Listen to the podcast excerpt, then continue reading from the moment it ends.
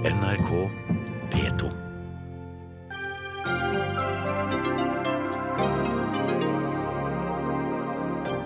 Forsvarsdepartementet ber ansatte om å lekke mindre informasjon til mediene. Vi trenger mer åpenhet, ikke mindre, er svaret fra Norsk redaktørforening. Bør båtens størrelse eller fart telle for påbud om redningsvest? Regelverket er tåpelig, sukker redaktør. Regjeringa åpner for flere privatskoler. Det kan bety kroken på døra for mange grendeskoler, frykter Arbeiderpartiet. Og trenger vi et eget feministisk parti i Norge? Det vil spise opp SV og gi idiotisk politikk, spår kommentator.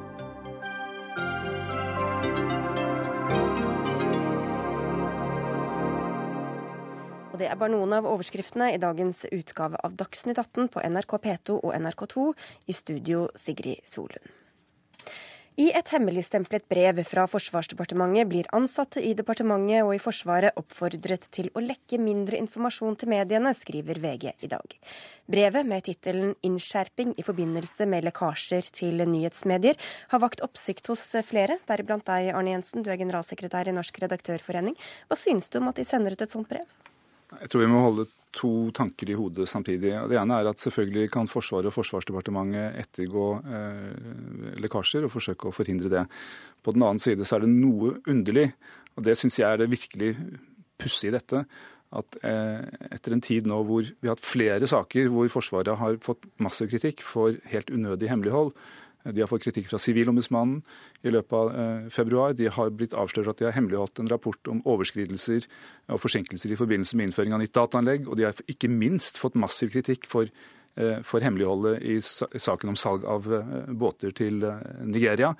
Så er svaret fra Forsvarsdepartementet ikke at nå må vi sette oss ned og se på om vi kan gjøre noe med eh, vårt forhold til innsyn og åpenhet eh, og tillit i allmennheten, men det sendes ut et brev som i praksis sier nå gjelder det å holde kjeft. Men det gjelder jo bare gradert og hemmelig informasjon, da? Jo, men gradert og hemmelig informasjon er ikke noe magic trick i denne sammenheng, fordi at du må for å gradere dokumenter ha Det må være eh, opplysninger i de dokumentene som allikevel bryter med det som eh, er utgangspunktet for offentlighetslovens bestemmelser, f.eks.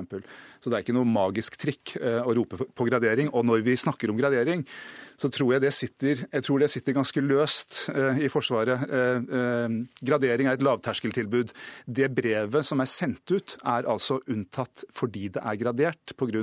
hensyn til rikets sikkerhet. Og Det er altså en generell orientering ifølge pressemeldingen fra Forsvarsdepartementet selv om hvordan man forholder seg til gradert materiale. Dette er ganske underlig, og det vitner ikke akkurat om en vilje til, til åpenhet og, og innsyn. Forsvarsminister Ine Eriksen Søreide, hvorfor har dere sendt ut dette brevet nå? Ja, først så tror jeg Det er viktig å understreke det som har vært eh, min linje som forsvarsminister hele veien, nemlig at jeg ønsker åpenhet, jeg ønsker debatt. Og Vi har en langt større åpenhet både om tilstanden i Forsvaret, om det vi gjør. Eh, jeg, nettopp, eh, jeg hadde nettopp en åpen presserunde knytta til en McKinsey-rapport vi mottok, som ble offentlig samtidig som vi mottok den.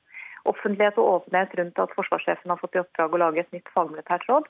Og jeg vil ha debatt. Jeg vil at de ansatte i Forsvaret og jeg vil at andre interessenter skal føle seg fri til å debattere. Men så må vi balansere det hensynet opp mot hensynet til å beskytte og skjerme sensitiv informasjon. Så er det sånn at vi alltid må gjøre en vurdering av om vi kan være enda mer åpne. Jeg vil at vi skal være så åpne vi kan innenfor de rammene som lov og regelverk setter. Men jeg vil samtidig understreke at det er altså forbundet med straffbarhet å lekke gradert informasjon.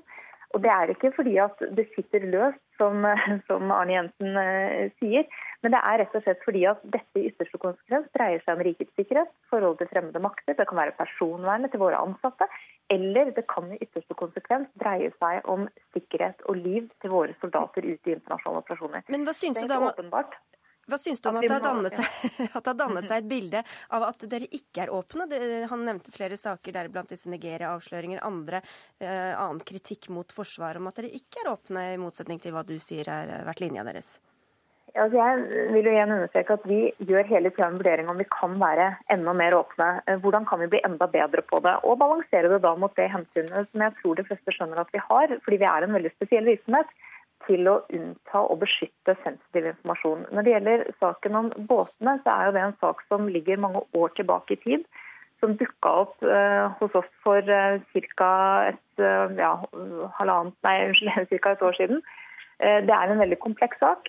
Journalisten har fått svar på alle de spørsmål han har stilt. Og han har også fått innsyn i 26 av de sakene han har bedt om innsyn i. Og 12 av dem har vi ikke kunnet gi innsyn i. Og det er det mange ulike årsaker til. Så er det viktig, og det mener jeg er et, det er et poeng i denne saken. Vi har Sivilombudsmannen, som ser oss og andre departementer i kortene hvis vi hemmeligholder for mye. Vi har også kontrollkomiteen, som har sin kontrolloppgave. Og på vårt felt også EOS-utvalget, som sørger for at vi opptrer i tråd med lov og regelverk. Alt dette er viktig å huske på, at vi både skal gjøre en jobb med å være så åpne vi bare kan, og vi har helt sikkert et forbedringspotensial. Og jeg tror at vi kan gjøre en ny vurdering av dette brevet. Men vi må også sørge for at vi fyller de lovene og reglene som gjør at vi må beskytte den informasjonen. Det har du sagt. Som ja. kan handle om men, livet til våre Men Arne Jensen, dette gjaldt jo altså gradert informasjon. Mener du at det, at det, er greit med lekkasjer av gradert hemmelig informasjon? Nei, men vi må huske på to ting. og Det ene er at, at, samtidig som vi har et legitimt behov for å beskytte visse typer informasjon, og det har Forsvarsdepartementet, det har mange andre offentlige myndigheter, av ulike grunner, så er det også slik at noen av de viktigste sakene, de viktigste debattene som dukker opp i det norske samfunnet, de dukker opp fordi at noen har lekket informasjon informasjon. Eh, og kan, Man kan kalle det varsling, eller man kan kalle det eh, andre ting. Men poenget er at hvis man, eh, hvis man ikke har åpning for det, så vil samfunnet gå glipp av veldig mye viktig informasjon. De mest prisbelønte journalistiske arbeidene, inklusive, inklusive Dagbladets avsløring av salg av båter til Nigeria, bygger jo bl.a. på at det er gitt ut informasjon som kanskje ikke var ment å skulle vært gitt ut. Og Hvis man leser metoderapporten til det skupparbeidet i, i Nigeria-båtsaken, så må jo si at det er ikke slik at, at eh, Dagbladet-journalisten har fått ut disse opplysningene sånn uten videre. Det har vært en månedslang kamp og, og med, med, elementer som ser ut som utenfra som nærmest eh, trenering. Så, så, jeg vet ikke hvor mye eh, Eriksen Søreide har å skryte av. Jeg registrerer de gode intensjonene, og det er bra. Men dette som signal i en fase hvor Eh, departementet og Forsvaret har vært utsatt for, for mye kritikk. Det syns jeg er et ganske eh, pussig eh, budskap å sende ut. Kan du si et eksempel på informasjon som er lekket ut som du helst skulle sett at offentligheten ikke visste om Eriksen Søreide? Det er jo mange situasjoner hvor det kommer informasjon ut som ikke skulle vært ute. Og Jeg skal være litt forsiktig med å gi alle eksemplene her, og det er det årsaker til. Nettopp at informasjonen er sikkerhetsgradert i utgangspunktet. Men la meg bare understreke én ting. Arne Jensen snakker om at man er avhengig av noen ganger at lekkasjer av denne type informasjon kommer, fordi eh, det er viktig for varsling. Vi har egne varslerkanaler. og Dersom det er ting av en sånn karakter som må varsles, så gjør man det av egnede kanaler. Og Det er ikke noen unnskyldning for eller grunn til å lekke sikkerhetsgradert informasjon. Jeg eh, er forplikta til å ikke lekke informasjonen. Det er også de ansatte både i departementet og i Forsvaret. Og det er nettopp fordi den informasjonen har den karakteren den har. Men når, det, når de ansatte får et sånt brev, hva tror du det gjør med lysten deres til å snakke med journalister generelt, eller gjøre dokumenter offentlige? Vårt poeng har hele veien vært å være så åpne vi bare kan om alt vi kan være åpne om innenfor lovens rammer. Og Samtidig så må vi da passe på å beskytte den informasjonen som skal beskyttes. Dette handler ikke om ytringsfriheten til våre ansatte. Tvert imot har både forsvarssjefen og jeg oppfordra til mer debatt, og at de deltar mer både i det offentlige ordskiftet og gir innspill til oss. Men, men, dersom, men, det må veies opp mot uh, hensynet til gradert informasjon. Dersom det er slik at det er publisert informasjon på bakgrunn av lekkasjer av opplysninger som truer rikets sikkerhet, så finnes det bestemmelser i straffeloven som kan ramme den som publiserer det. Det har ikke sett sett at Forsvarsdepartementet har gått til sak noen gang, i forhold til, eh, i hvert fall ikke på mange mange år, i forhold til den type opplysninger. Det tror jeg skyldes at eh, vi har egentlig ikke den type, eh, den type saker. Vi får avslutte der for denne gangen. Takk skal dere ha, Ine Eriksen Søreide og Arne Jensen. Dagsnytt 18 alle hverdager klokka 18. På NRK P2 og NRK2.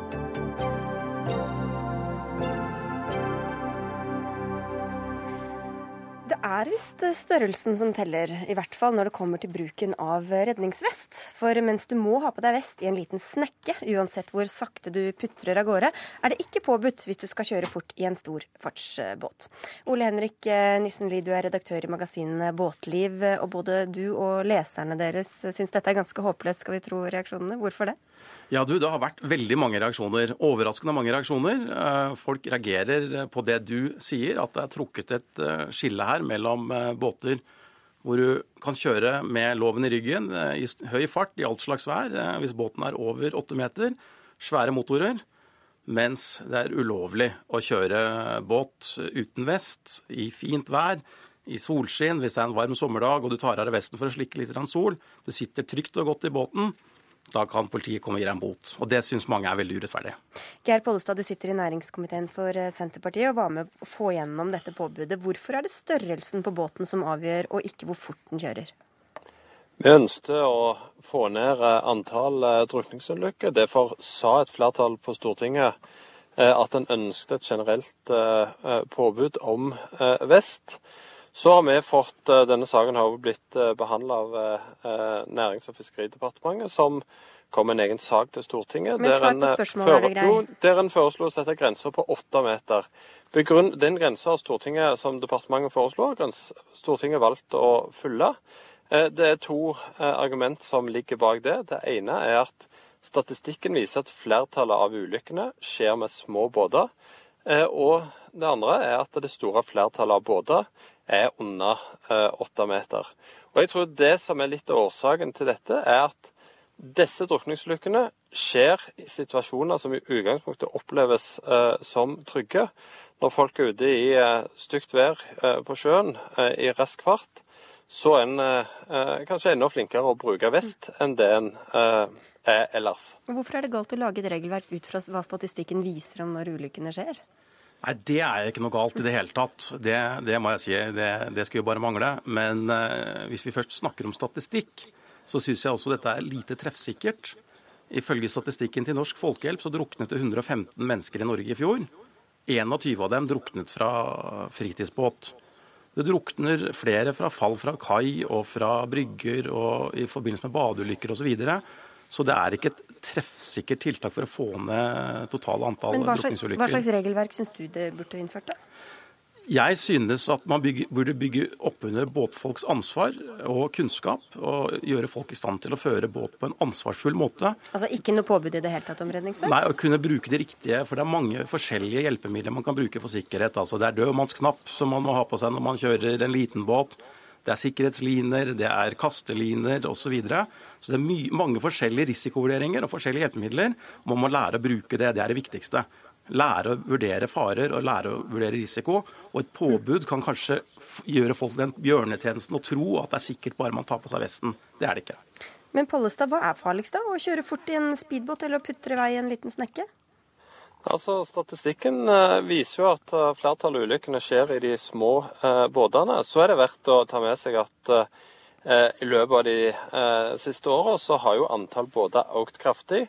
Antall ulykker har vist en positiv tendens. Jeg tror holdningene blir mer og mer positive. Folk blir mer og mer bevisste. En har innført krav om båtførerbevis. Det har gitt effekt. Men vi ønsker å statuere et eksempel at vest skal en bruke alltid når båten er i eh, fart. Eh, derfor så ønsker vi å innføre et, eh, et påbud. men, men hvorfor brei... har dere satt grensa akkurat der? Hva, hva skal vi, altså, hvorfor skal man da sende et signal om at du ikke trenger å bruke vest når du kjører fort i en litt større båt? Nei, Her får en jo litt uh, ulike signal. Noen er mot hele påbudet, noen mener det er en, en feil forskjellsbehandling. Uh, der har Stortinget fulgt den opp grenseoppgangen som departementet har kommet eh, med, og regjeringa har kommet med, det har vi gjort både når det gjelder lengdebegrensning, at dette kun gjelder når båten er i fart, eh, og at det kun gjelder når en oppholder seg utendørs eh, på båt.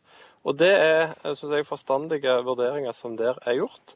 Og dette er et påbud som sannsynligvis vil redde liv allerede til sommeren. Og det er jo eh, det som er målet med dette grepet som en nå gjør. Men like viktig er det å fortsette både at politiet har kontroller, ja. at en har det holdningsskapende arbeidet, og andre tiltak ja. som Og det er jo lov å tenke selv eh, og bruke fornuften og ta på seg vest, selv om det ikke er påbudt i en større båt også? Målet er vi helt enige om. Altså, vi, bør, vi, vil jo at det skal være sikrest mulig på sjøen, og man må bruke huet. Det er veldig viktig uansett. Da får vi avslutte der. Tusen takk skal dere ha begge to, Ole Henrik Nissenli fra Båtliv og Geir Pollestad fra Senterpartiet.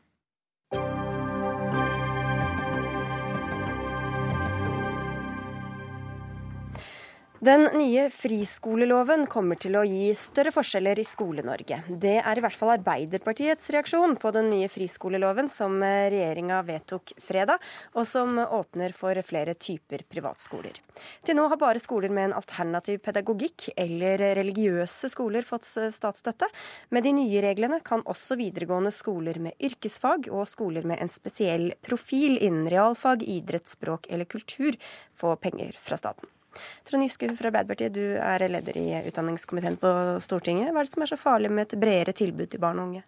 Ja, Dette er jo det regjeringa lovte i sin regjeringserklæring, så det kommer ikke som noen overraskelse. Det som er interessant, er at uh, Torbjørn Isaksen, som uh, presenterer den minste lille bagatell med hornorkester og fyrverkeri, legger fram en melding som kommer til grunnleggende å forandre norsk, norsk skole, sent en fredags ettermiddag på dagen før påskeferien. Dette er et forslag som eh, nesten åpner for en eh, fri etablering av privatskoler med rett til statsstøtte. Eh, det har vi erfaring fra andre land på virker veldig dårlig. I Sverige har man hatt denne politikken nå i 15 år. Der har man det kraftigste fallet i skoleresultater i hele OECD-området. Det er ikke sammenlignbart med Sverige osv. Det har vi i hvert fall hørt mange ganger. Men, men hvor, til jeg spurte om da, hvorfor er det negativt å ha et bredere tilbud til barn og unge? Nei, men Vi skal jo ha et bredt tilbud, men problemet med eh, en eh, fri etablering av privatskoler er at eh, man får større forskjeller mellom tilbudet de ulike ungene får. Erfaringa igjen da, fra Sverige, hvor man har fått mange flere privatskoler, og det er helt sammenlignbart, er at forskjellene mellom skolene øker. Det totale nivået er dramatiske fall. Det sterkeste fallet i hele OECD-området er i Sverige. Eh, og mulighetene for å drive en god skolepolitikk, sørge for eh, kvalitetsheving, sørge for riktig dimensjonering av tilbudet, sørge for eh, heving av lærernes rammevilkår osv., blir systematisk dårligere. Dette er det god vitenskapelig dokumentasjon på. Det er fryktelig dumt at vi skal prøve det samme eksperimentet i Norge. Henrik Asheim, du sitter i den samme komiteen for Høyre. Hvorfor vil du rasere og gjøre det større forskjeller i Skole-Norge? Nei, Jeg må innrømme at jeg er litt overrasket over at Arbeiderpartiet legger seg på den tonen de nå gjør. fordi det vi har gjort, det er at vi har laget en friskolelov som er ganske moderat. Vi sier at vi skal beholde eh, ordningen som sier at det ikke er en rett å starte opp. Det skal være skjønnsmessig, skal ikke gå utover den offentlige skolen. Men så er det sånn at alle partiene på Stortinget, Arbeiderpartiet og Høyre, er for friskoler, altså offentlig finansierte privatskoler. Det vi diskuterer er jo hvilke formål som skal få lov til å starte. Og det vi har gjort, sammen med å gå gjennom loven, gjøre det strengere innføre innføre karantene for de som misbruker offentlig støtte osv., så, videre, så foreslår vi også å legge til to nye kriterier. I dag så kan du starte Steiner- og Montessori-skoler, kan starte toppidrettsgymnas, kan starte noen sånne ting. Men det skal være på en måte, eh, eller religiøse skoler. Og det vi sier er at Hvis du da har en entusiast som ønsker å starte f.eks. en språkskole, Hvorfor skal den måtte undervise på Montessori-pedagogikk for å få lov å starte opp? Eller hvis du har en bransje som ønsker å starte en restaurant- og kokkeskole i Oslo, hvorfor skal det da måtte være en religiøs kokkeskole? Men hvis erfaringene viser at det går utover den offentlige skolen, hvorfor er det verdt det da? Det er fordi vi er heller ikke for at man skal ha en eksplosjon av friskoler. Og det er sånn at Når Trond Giske nå bruker masse tid på å snakke om Sverige, så er jo det fordi det er en helt annen modell enn den vi foreslår. Så jeg skjønner ikke, altså, Det er en interessant debatt i Sverige, men den er ikke så veldig relevant for den loven vi foreslår.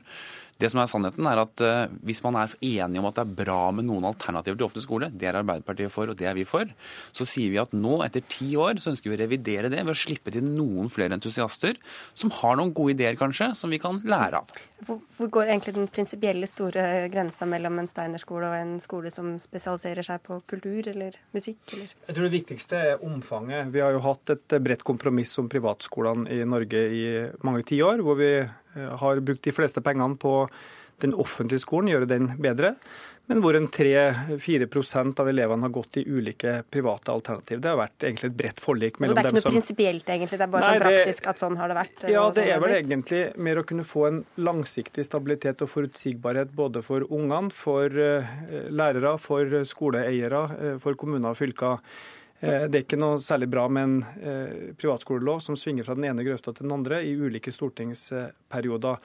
Eh, dette har vært et forlik som ikke bare handler om de rød-grønne partiene, men det var også sånn under tidligere borgerlige regjeringer, bortsett fra under Clemet. Men det som nå skjer, er at nå åpnes hele denne boksen. Nå blir det full krig om privatskolepolitikken. Og det er ikke riktig som Asem sier, at dette er noen restriktive kriterier. Det er to kriterier. Det ene er at du driver videregående skole med yrkesfagstilbud. Det er ikke veldig restriktivt. Det er alle videregående skoler med yrkesfag. Og det andre er at du driver såkalt profilskoler. Men det som skal til for å være en såkalt profilskole, og Det står i dokumentet det er at du må ha en egen læreplan, det har alle privatskoler uansett, og at du har et lite avvik i timetallet. Og Det avviket kan heller ikke være så stort. I høringsbrevet som ble sendt ut, så var det sagt at det avviket kan være på maksimalt 5% Det betyr at det skal veldig lite til for, for å bli godkjent som profilskole. Så egentlig er kriteriet du blir godkjent hvis du driver skole. Men Kan ikke du bare forklare hvorfor? Altså, for Det er ikke sikkert du er negativ til de skolene som sådan, men du er, så vidt jeg forstår, er redd for det offentlige skoletilbudet og at det blir forskjeller. Hvor, hvorfor går det utover det offentlige ja, det? Det er bra du spør om, for eh, det er viktig å skjønne hvordan disse privatskolene blir finansiert. Eh, hvis det var sånn at eh, med privatskoler så kom det ekstra penger til skolebudsjettet, kunne det kanskje eh, vært så.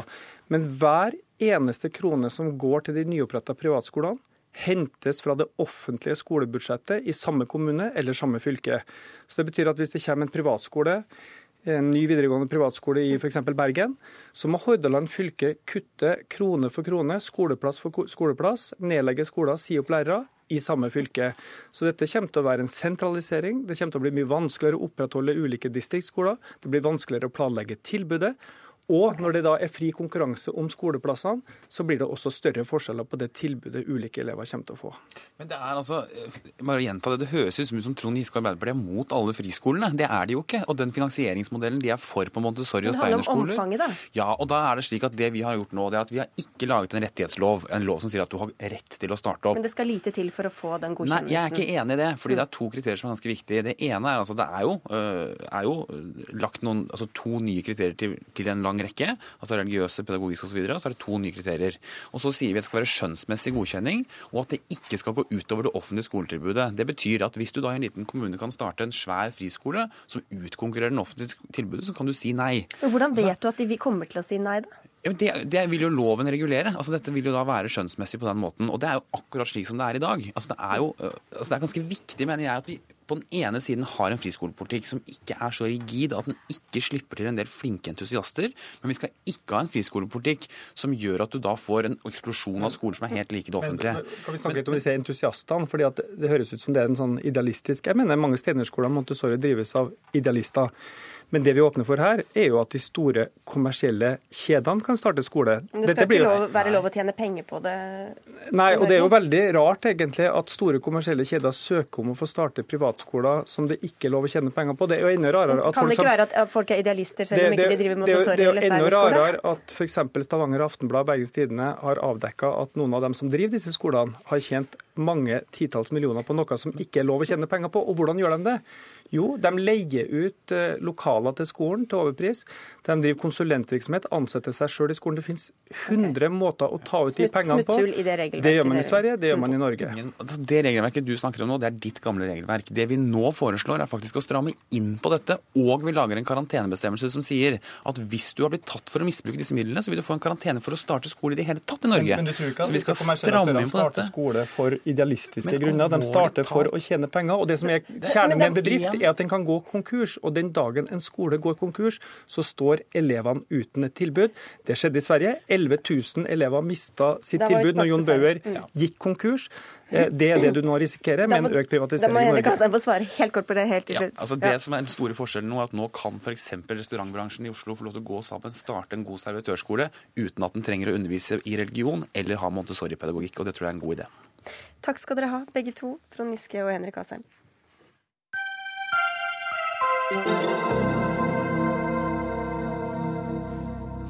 For noen få timer siden gikk fristen ut for alle som vil stille lister til kommunevalget til høsten. Og et nytt parti har sett dagens lys siden sist valg. Feministisk initiativ stiller til valg i Oslo og Bergen. Et parti som ikke definerer seg noe sted ut fra en høyre-venstre-akse, men som jobber for å fremme likestilling og feminisme på alle politikkområder. Men hvorfor kan dere ikke gjøre dette gjennom et av de etablerte partiene? Lene Nilsen, du er andrekandidat for Feministisk initiativ i Oslo. Jeg tenker at eh, feminisme og antirasisme må fremmes både gjennom de etablerte partiene, men vi trenger òg en ekstra puff for å få til mer politikk for likestilling. og Feministisk initiativ er nå en grasrotbevegelse som ønsker å legge press på de etablerte politiene, og, partiene, unnskyld, og få til mer sammen med de. Mm. Så vi i, ser oss ikke som konkurrenter, men som et supplement. Dere, men dere ønsker vel flest mulig stemmer, vil jeg tro? Vi ønsker stemmer, sånn at vi mm. kan bevege verden videre, ja. Kirsti Bergstø, du er stortingsrepresentant for SV og sitter i partiets kvinnepolitiske utvalg. Du sier du ønsker alle feministiske fellesskap velkommen, men hva slags tro har du på dette nye partiet? Først må jeg jo gratulere med lista eh, og si at jeg er veldig glad for alle feminister som organiserer seg, og for alle som kaller seg for feminister. Eh, og det er jo fordi at jeg deler veldig eh, mm. analyser som Feministisk initiativ har, i forhold til at likestillinga ikke har kommet langt nok. At fremdeles er det sånn at trange kjønnsroller og skeive maktforhold preger livet vårt. Men jeg mener jo at feminismen er best også med en sosialisme. At det å ha en helt tydelig politikk i forhold til maktfordeling eh, og utjevning er nødvendig for at man skal få reelt sett like muligheter i landet. og Derfor så kommer jeg til å drive valgkamp for SV og oppfordre andre feminister og sosialister til å gjøre det samme. Og egentlig, altså hvorfor, Dere sier at dere er blokkeuavhengige. Dere har jo ikke vedtatt politikk der på veldig mange områder, eh, for dere har ikke noe partiprogram eh, ennå. Men hvorfor har dere da dere har prioritert feminisme og likestilling foran store saker som økonomi, arbeidsliv, klima, innvandring osv.?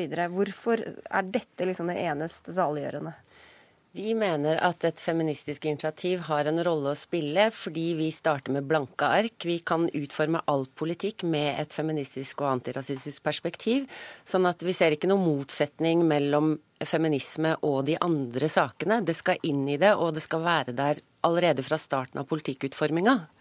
Mm. Kirsti Bergstø, mm, hva slags fragmentering eller oppsplitting tror du at disse partiene gir på venstresida som du tilhører? Vi har jo også Miljøpartiet De Grønne, som vel har tatt noen stemmer fra dere fra før av? Altså, Nå mener jo Feministisk initiativ selv at man ikke tilhører venstresida, og det må man jo ta dem på alvor i forhold til. og Derfor er det jo også noe uvisst hvilken politikk eh, eh FI ønsker å fremme. For hvis man skal samle dem som kaller seg feminister, så er det jo både blåstrømpene i, i, Høyre, som innbitt kjemper mot kvotering, selv om de stanger seg gul og blå i eget glasstak. Og det er rødstrømpene i SV, eh, som fremmer radikalkvotering fordi at man eh, mener at det er strukturer som ligger til grunn for at eh, styrerommene fylles opp av, av, menn. Og jeg mener jo at nettopp det med å kalle seg blokkuavhengig er å kunne Eh, løper feil ærend. For det er venstresida som har båret frem alle de nødvendige endringene i kvinners liv. Alt fra eh, stemmerettskampen, abort, eh, i forhold til likestillingslovgivning, i forhold til kjønnsnøytral ekteskapslovgivning, eh, sexkjøpsloven osv. Og nå nylig hadde vi en kamp i Stortinget rundt arbeidsmiljøloven, der høyresida vil liberalisere, og vi eh, på venstresida ønsker et familievennlig arbeidsliv. Et arbeidsliv der kvinner kan delta på lik okay. linje med menn. Eh, og der er det en tydelig høyre- og venstreakse, og det kan man ikke definere seg ut ifra. Mm. Men vi anerkjenner jo at venstresida i politikken har sett de strukturelle barrierene for likestilling likestilling i større grad enn høyresida, og at høyresida har et større forbedringspotensial til å lage mer likestillingspolitikk. Men jeg tror feministisk initiativ var på en måte overmodent blant en del grasrot, og særlig unge mennesker som er veldig utålmodige nå, etter to år med sosialistisk Nei, to perioder med sosialistisk regjering, og vi fikk da to store offentlige utredninger som sa her er det behov for mer politikk for likestilling, og så fikk vi veldig lite ut av det. Så det er nok et resultat av en enorm utålmodighet aktivitet på eh, grasrotnivå. Og, og, vi skulle veldig gjerne få muligheten til å følge ja. opp de utredningene. Det er ingen tvil om. Nils August Andresen, du er ansvarlig redaktør i det konservative tidsskriftet Minerva. Og du sier at dette virker nærmest som sitat, et målrettet forsøk på å sette inn et dødsstøt mot eh, SV. Selvsagt uten at det dermed vil være mulig for dem å komme inn på Stortinget. Hva tror du dette partiet kan føre til? Eh, det kan føre til det. Det er ikke sikkert det fører til det, men det er helt åpenbart at det kan gjøre det. Hvis man ser, ser på det i dag, så har man partiet Rødt som ikke lenger er et eh, revolusjonært kommunistisk parti. Det er et venstre sosialdemokratisk parti. De har liksom halvannen-to prosent. Og så har man SV som vaker akkurat rundt fire og litt under fire prosent. Så har man MDG, Miljøpartiet De Grønne, som, som kjemper litt mer blokkuavhengig. Og så får man nå et nytt parti som kanskje kan få en prosent eller to. Og de stemmene, det vet vi fra andre land hvor dette har vært prøvd, dvs. Si Sverige, kommer, fra, kommer til å komme fra SV, Rødt og kanskje Miljøpartiet De Grønne. Og du var ikke sånn kjempeoptimistisk når det gjaldt politikkutformingen med alt som et feministisk eller likestillingsperspektiv? Nei, altså jeg skjønner at en del feminister vil på en måte sette dette likestilt som en ideologi med sosialisme eller konservatisme eller liberalisme. Men det er krevende, og det har vi sett i, i Sverige, hvor, det, hvor det, man får altså, Feministisk initiativ gikk inn for å legge ned Forsvaret. For, altså det er, det mangler, for de aller fleste av oss da, så fremstår det som på veldig mange politikkområder så har man ikke noen svar. Eh, og så kommer det dette som Kirsti Bergstø sier. altså Disse personene som står bak Feministisk initiativ, de kommer fra venstresiden og deler en venstresideanalyse. Og det skiller det jo veldig fra Miljøpartiet De Grønne, som kan samarbeide på tvers av blokkene. Kan tiltrekke seg velgere på tvers av blokkene. Det kan jo ikke Feministisk initiativ gjøre. Hvordan skal dere klare å lage politikk ut fra, med alt ut fra et feministisk likestillingsperspektiv? Ja, nå starter jo vi Bergen har starta, og vi har starta i Oslo. I dag har vi levert 800 signaturer som sier at vi er ønska til å stille i Oslo. Og vi må jo gå ut i en brei konsultasjonsprosess med alle organisasjoner som jobber med antidiskriminering. Vi jobber med LHBT-spørsmål, etnisitet, region funksjonsevne, seksualitet. Vi ønsker å få et eh, fint program for å gjøre Oslo til en bedre by for grupper som utsettes for diskriminering. Marte Michelet, du er kommentator og journalist og kjenner både norsk og svensk politikk eh, godt. Eh, det norske feministiske initiativet er altså en videreføring av det samme partiet i Sverige. Hva tror du er sjansene deres for å lykkes i Norge?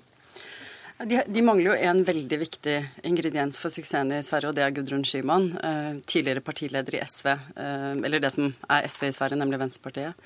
Som var den mest populære partilederen eh, på venstresida i Skandinavia nesten noensinne. Hvis man ikke regner de sosialdemokratiske partiene. Og hun er en formidabel personlighet. Altså, hun har gjort enormt mye for at FI i det hele tatt eksisterer.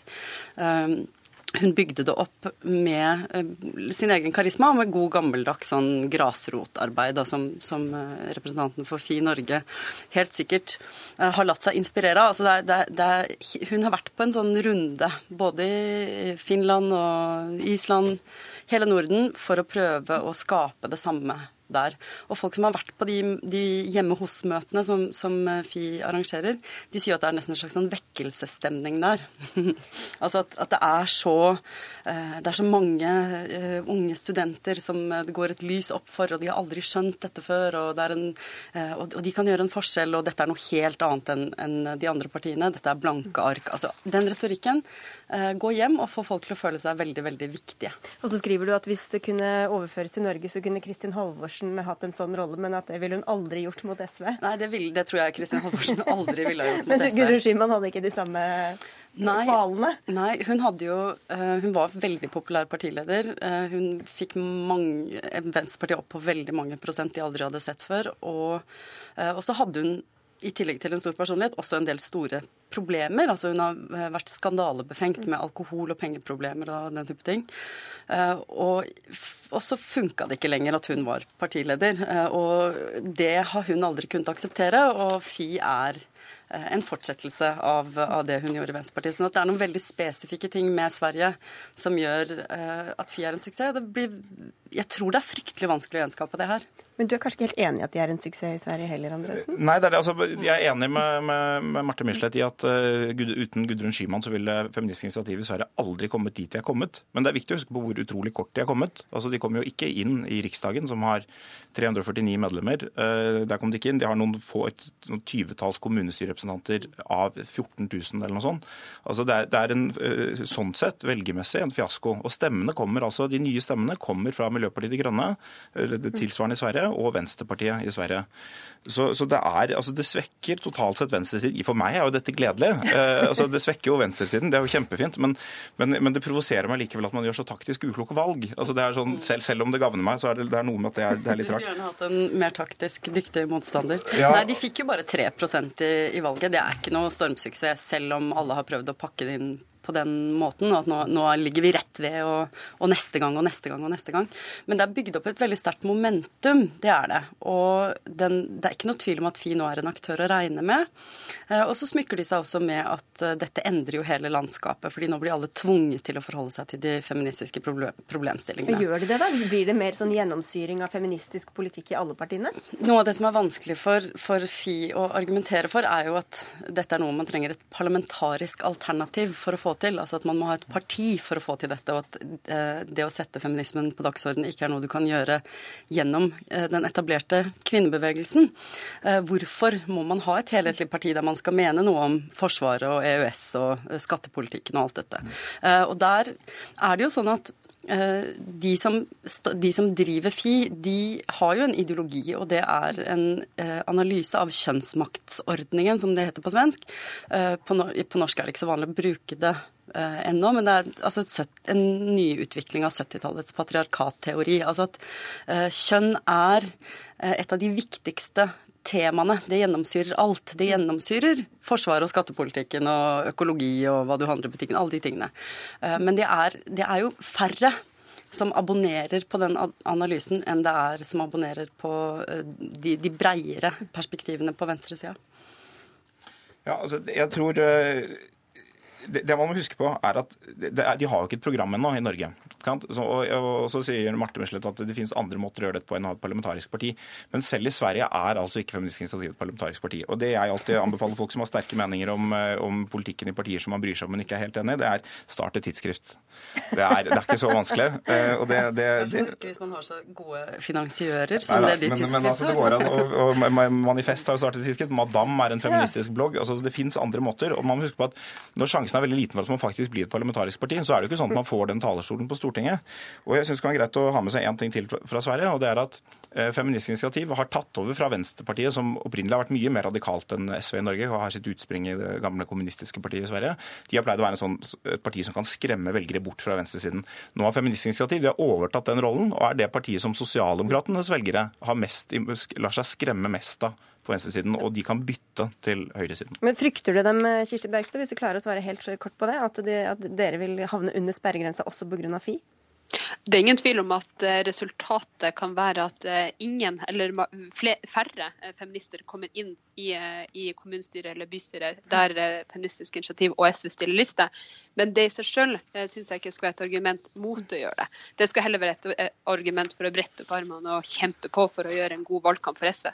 Og da taper alle, Lene Nilsen. Dere skal ikke heller starte dette tidsskriftet? Da. Nei, da vinner alle. Og jeg har veldig tro på at uh, unge mennesker, menn og kvinner som har nå tatt dette initiativet i Oslo, skal få til noe, og vi skal bevege noen et hakk videre. Dessuten så fins jo det tidsskriftet og heter Fett, og er helt sikkert en av de viktige bidragsyterne til at uh, dette partiet nå stiftes. Bortsett fra at uh, ut fra hva du sa til meg tidligere, så er det mer sånn den middelklassen som henvender seg til feministisk initiativ? Det er helt klart sånn at, og det ser man jo på den lista de de listene de stiller også, at det er veldig stor overvekt av liksom kulturarbeider og konsulent. Eh, ikke så veldig mange hjelpepleiere på de listene. Vi lover at den skal bli mye bredere. Vi har laga et parti på én uke, så her er det stort forbedringspotensial.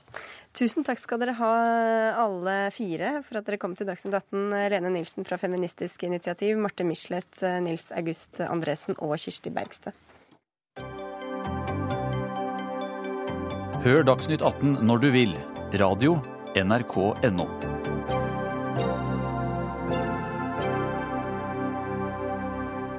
Og da skal vi fra ett eh, nisjeparti til et annet.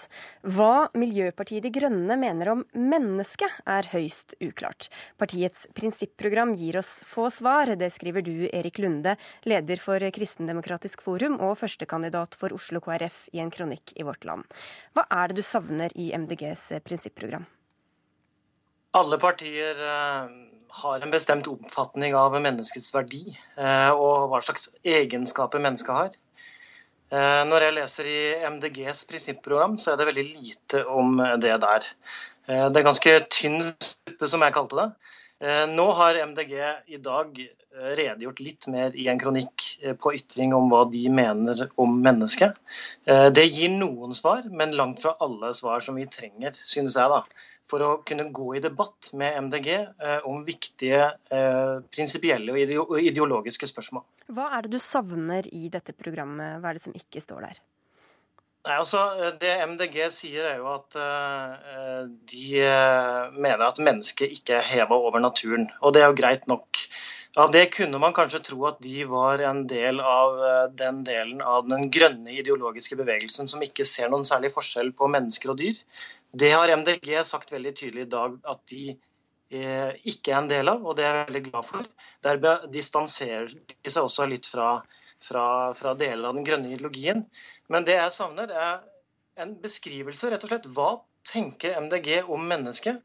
Hva slags menneskesyn eh, bygger deres ideologiske fundament på? Eh, de sier sjøl at de er en allianse av liberalister, økososialister, verdikonservative, anarkister eh, og mennesker som er tilhenger av dypøkologi. Og jeg også, eh, kjenner også personlig både marxister og liberalister som har funnet veien til MDG. Og da lurer jeg jo veldig på hva slags menneskesyn er det denne fargerike alliansen står for? Fordi det er veldig stor forskjell på et liberalistisk og et sosialistisk menneskesyn.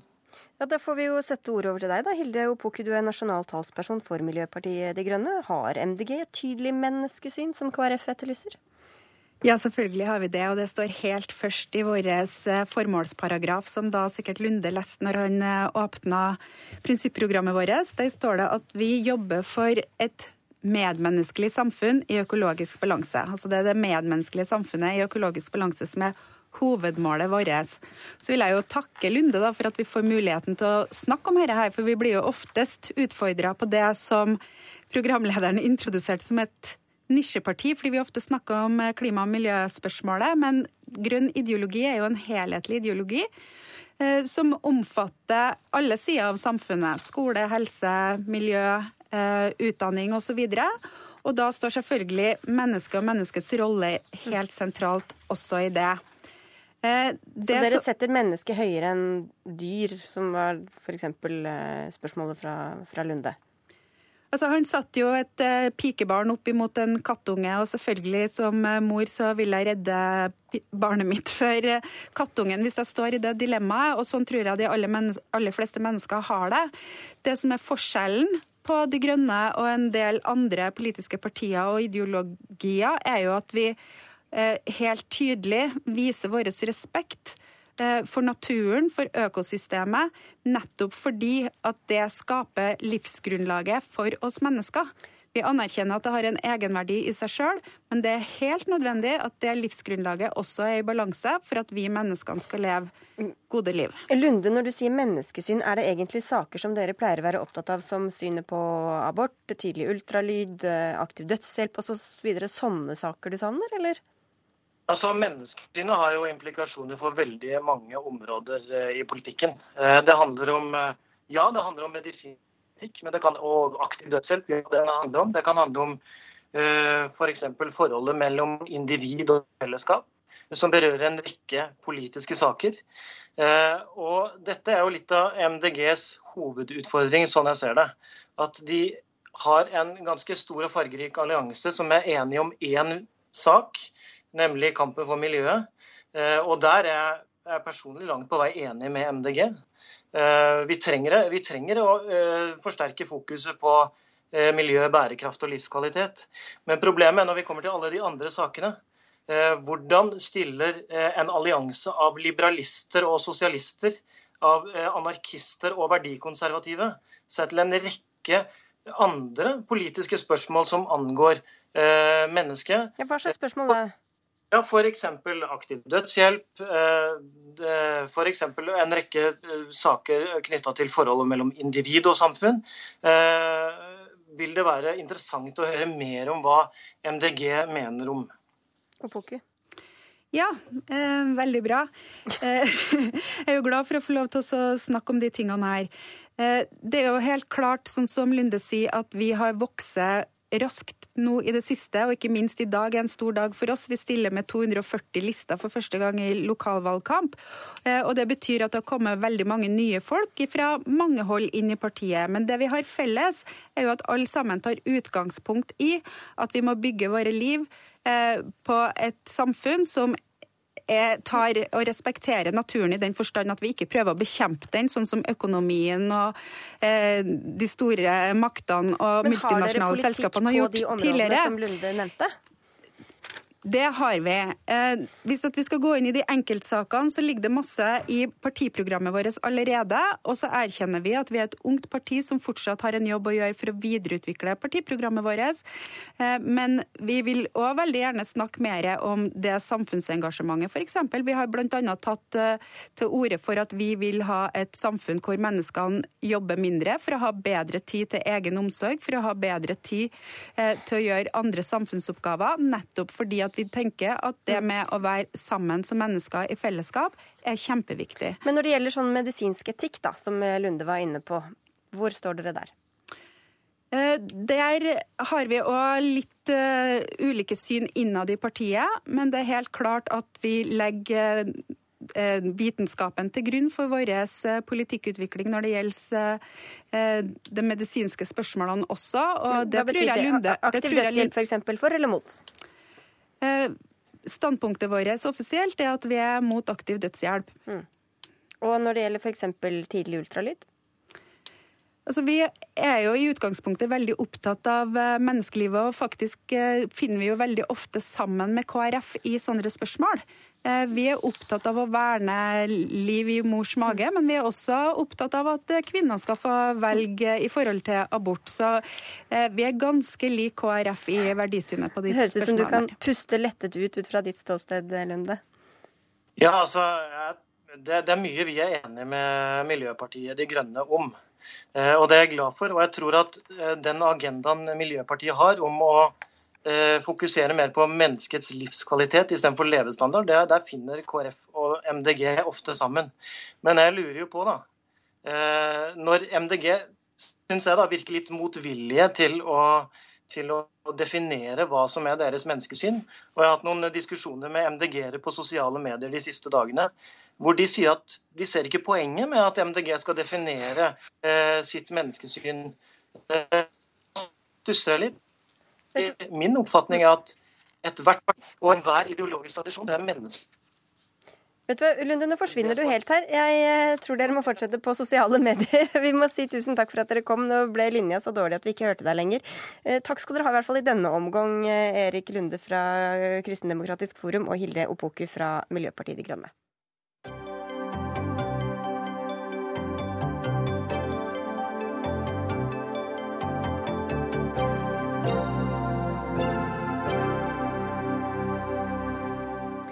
NRK Ytring har spurt ungdomspolitikere om hva de kunne tenke seg å endre i moderpartiets program, dersom de fikk velge én ting. I dag er turen kommet til AUF, og prioriteringen er klar. Anerkjenn Palestina nå. Leder i AUF, Mani Hussaini, hvorfor er anerkjennelse av en palestinsk stat den ene viktigste tingen som AUF vil endre i Arbeiderpartiets politikk? Fordi vi har som mål at disse to folkegruppene skal få fred etter 67 år i, i krig og konflikt. At de nå skal få, få, få, fred og kunne leve side om side. Og Da ser vi at eh, man må endre taktikk i forhold til hvordan man skal skape fred mellom disse folkegruppene. I altfor lang tid har vi prøvd forhandlingssporet eh, om at man må eh, komme til enighet først, for så å eh, lage to stater. Vi ser at forhandlingene har vært strandet siden i fjor sommer. Vi ser nå også at vi, valget i Israel har gitt en statsminister som gikk til valg på at man ikke skal få en, en palestinsk stat så lenge han var statsminister, og som også gikk til valg på å øke antall ulovlige bosetninger. Og da tror vi, i likhet med 70-80% av verdens land, at det eneste man må gjøre for å styrke palestinernes posisjon i forhandlingene, er å anerkjenne Palestina som en selvstendig stat. Mm. Stortingsrepresentant for Arbeiderpartiet Svein Roald Hansen, hvorfor støtter dere ikke en norsk anerkjennelse av Palestina nå? Ja, la meg først si at uh, vi støtter og forstår veldig godt uh, dette engasjementet uh, som Mani nå viser også i kronikken, og fortvilelsen over at man ennå ikke har kommet fram til en løsning på denne konflikten. Vi tror imidlertid ikke at at en anerkjennelse, ensidig anerkjennelse fra norsk side, i tillegg til de 135 land som har gjort det, vil ha noen betydning reelt sett. Jeg tror det er andre veier vi må forsøke. Og jeg tror det nå er skapt et momentum eh, etter valget. Fordi måten som øh, den israelske statsministeren oppførte seg på før valget, hvor han jo i realiteten sa det mange har mistenkt ham for å mene hele tiden, at han ønsker ingen palestinsk stat, det har strukket tålmodighetene modighetene i mange land, og også hos den amerikanske presidenten. Men hvor, når er tiden inne, hvis ikke den er inne nå? Jeg tror det internasjonale samfunn, eh, og der har Norge en mulighet til å, til å spille en rolle gjennom ledelsen i giverlandsgruppen. Hvis vi kan få den gruppen og andre land med på å gjøre det klart for Netanyahu at eh, nå har han ikke lang tid på seg til å sette seg til forhandlingsbordet, vise vilje, reell vilje, og gi eh, klar beskjed om at han, han ønsker en fredsløsning slutt på okkupasjonen, slutt på utbyggingen av nye bosettinger og slutt på isolasjonen av Gaza. Mm -hmm. Hva ja. sier du til det, Husseini? Jo, altså, vi kan, vi kan, godt vente og se, men jeg tror det, det, det, er det man har gjort i alle år. Man har ventet og hatt tillit til at forhandlingssporet skal fungere. Men Netanyahu vi, har vist null interesse for å være med på en forhandling. Og har nekta å møte opp til forhandlingsbordet siden i fjor sommer. Når han til og med ikke tar telefonen når amerikanerne ringer, så tror jeg at eh, det internasjonale samfunn må finne en annen taktikk. Og det har man gjort gjennom en stor stor internasjonal mobiliseringsbølge som går ut på å anerkjenne Palestina. Og For å trekke en parallell til det, det var på samme måte at Israel i sin tid i 1948 ble anerkjent som en stat. Da var det igjen en internasjonal mobiliseringsbølge som var på plass, eh, som gjorde at man, eh, eh, som gjorde at man anerkjente Israel og på den måten eh, styrket deres posisjon i forhandlingene. Nå har Netanyahu ingen interesse av å møte palestinernes, eh, palestinernes representanter og kan fortsette med å drive det han driver med, nemlig økt ulovlig bosetting. Jeg mener, jeg mener at det som er synd i denne konflikten, er at det er de ekstreme som dikterer hva agendaen skal være. Du har Netanyahu på den ene siden, som fortsetter med sin retorikk og sin politikk, og så har du Hamas som tjener på det. Og, og... Men, men, hvilken rolle ville det spilt om Arbeiderpartiet og da Norge eventuelt anerkjente Palestina som stat? Jo, jeg mener at uh, her er det viktig at vi, at vi, ikke er sist i rekken. fordi her har 70-80% av verdens land allerede anerkjent. Så det er viktig for oss å ikke være aller sist i rekken. Dessuten så sier, uh, så, så sier man at Norge har en viktig rolle som leder av giverlandsgruppa. Det vil sende et betydelig signal at vi som, uh, som det landet er med og sier at nå må palestinerne få sin egen stat, og nå må israelerne møte dem til forhandlinger, sånn at man endelig kan få lov til å leve i fred side ved side av hverandre. Det er altså 135 land som har anerkjent Palestina. Sverige er et av dem. Hva er det de ikke har skjønt, som dere har skjønt, Svein Roald Hansen? Forskjellen på ø, Sveriges rolle og Norges rolle er nettopp vårt ansvar som leder av ø, denne giverlandsgruppen. Eh, altså I den gruppen så tror jeg vi er avhengig av å ha et noenlunde ryddig forhold til begge parter i denne striden. Det er det uryddig hvis man anerkjenner Palestina? At Israel vil reagere på det. Det har de gjort i forhold til andre land som har gjort det. Og det vil svekke vår mulighet til å ha innflytelse der. Men altså, hvis vi, kom, vi kan komme til et punkt, hvis Netanyahu fortsatt uh, vegrer seg og det ikke blir noen framgang i dette, så må vi se om det er en mulighet f.eks. å gjøre som man gjorde i 1949, hvor FN, gjennom FN så vedtok man å opprette en, Israel, en israelsk stat. Men Hvor god tålmodighet har du da med at, eh, med at eh, Netanyahu skal gjøre som du uh, sier? Nei, min tålmodighet er ganske tynnslitt. Men ja. det viktige er Så hva slags tids, tids, tidsaspekt, tidsperspektiv ja, det, det virker nå som om tålmodighetene i Det hvite hus begynner å bli tynnslitt. Mm. Så du der, venter på at USA skal ta grep? Jeg tror det er bare USA som er i stand til å tvinge Israel. Vi andre må forsøke å få Israel til å innse at det er i deres egen sikkerhetspolitiske interesse å få til en avtale og leve i fred med naboene. Man jo, altså Norge er er leder av denne giverlandsgruppa. Hva hvis, hva hvis det bare fører til et økt konfliktnivå, da, når, i en rolle hvor vi prøver å ha en slags diplomatisk eh, funksjon? Altså, For det første så mener jeg det å anerkjenne Palestina som en selvstendig stat i dag er en videreføring av norsk utenrikspolitikk. Fordi Norge var med i 2011 og anerkjente Palestina, eller ga palestinerne eh, observatørstatus i FN. Så dette er en videreføring. Og dette har vært målet eh, for, for, norsk utenrikspolitikk, at man skal få på plass en tostatsløsning. To eh, og så, som man sier, amerikanerne har nå fått nok. Vi så krigen i Gaza. Vi ser at Netanyahu blir gjenvalgt globalt, og vi ser at Hamas vokser som en konsekvens av hverandre. Mm. Igjen så ser vi, så ser vi at, at, det har nådd det bristepunktet som, som, som, som man har frykta. Og jeg mener at man må nå se på en annen måte enn å gå rundt og håpe på, på, at en fredsløsning skal ligge på bordet før man anerkjenner. Og, og, Da har dere altså landsmøte om to uker. Tror du at AUF får gjennomslag der? AUF har med seg både eh, fagbevegelsen og Norsk Folkehjelp og mange eh, fylkeslag i partiet, og vi mener at det er riktig tidspunkt å gjøre det nå. Fordi alle vi har samme mål, men man må kanskje se på en annen taktikk mm. for å få til fred. Vi har en tredjeperson her, Vibeke Banek. Du er historiker, og du har forsket på Norges forhold til Israel. Nå hører vi det er litt ulike meninger i Arbeiderpartiet om hvordan de skal forholde seg til denne konflikten, men sånn har det ikke alltid vært.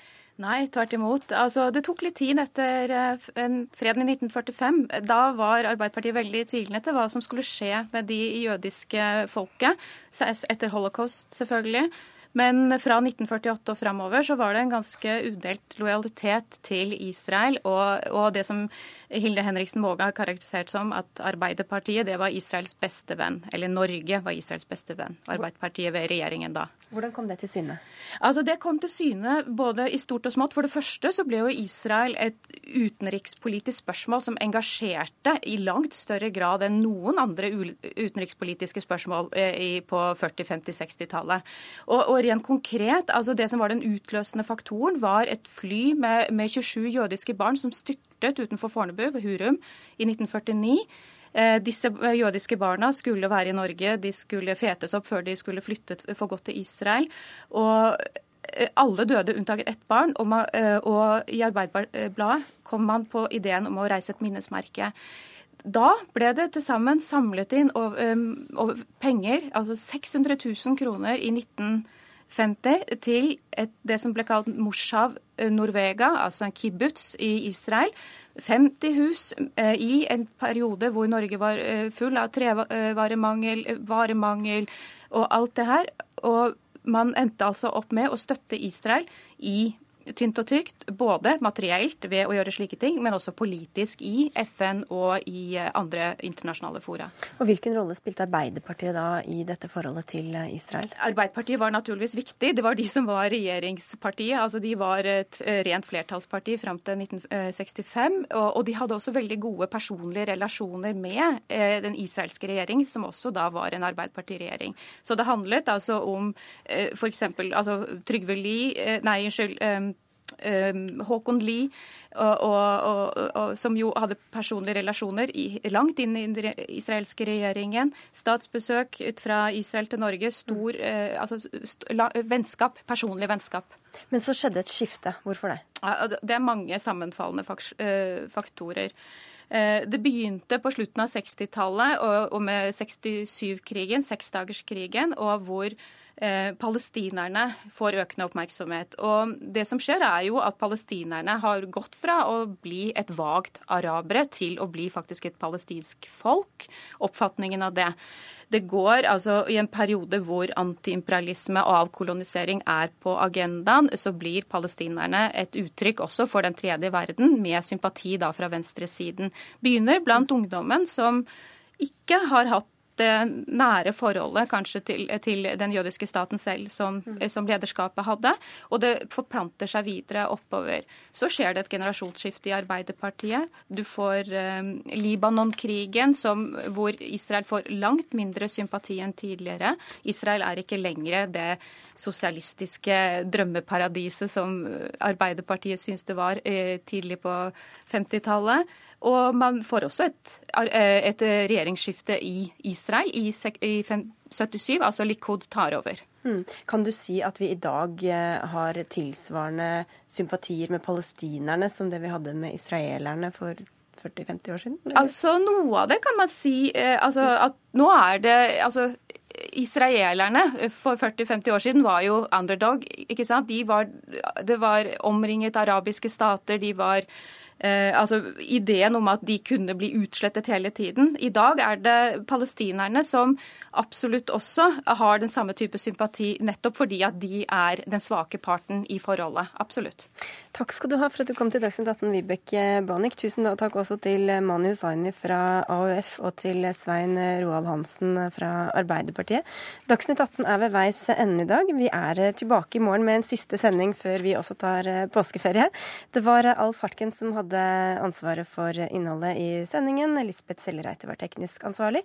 Og i studio satt Sigrid Elise Solund, og vi høres altså igjen i morgen.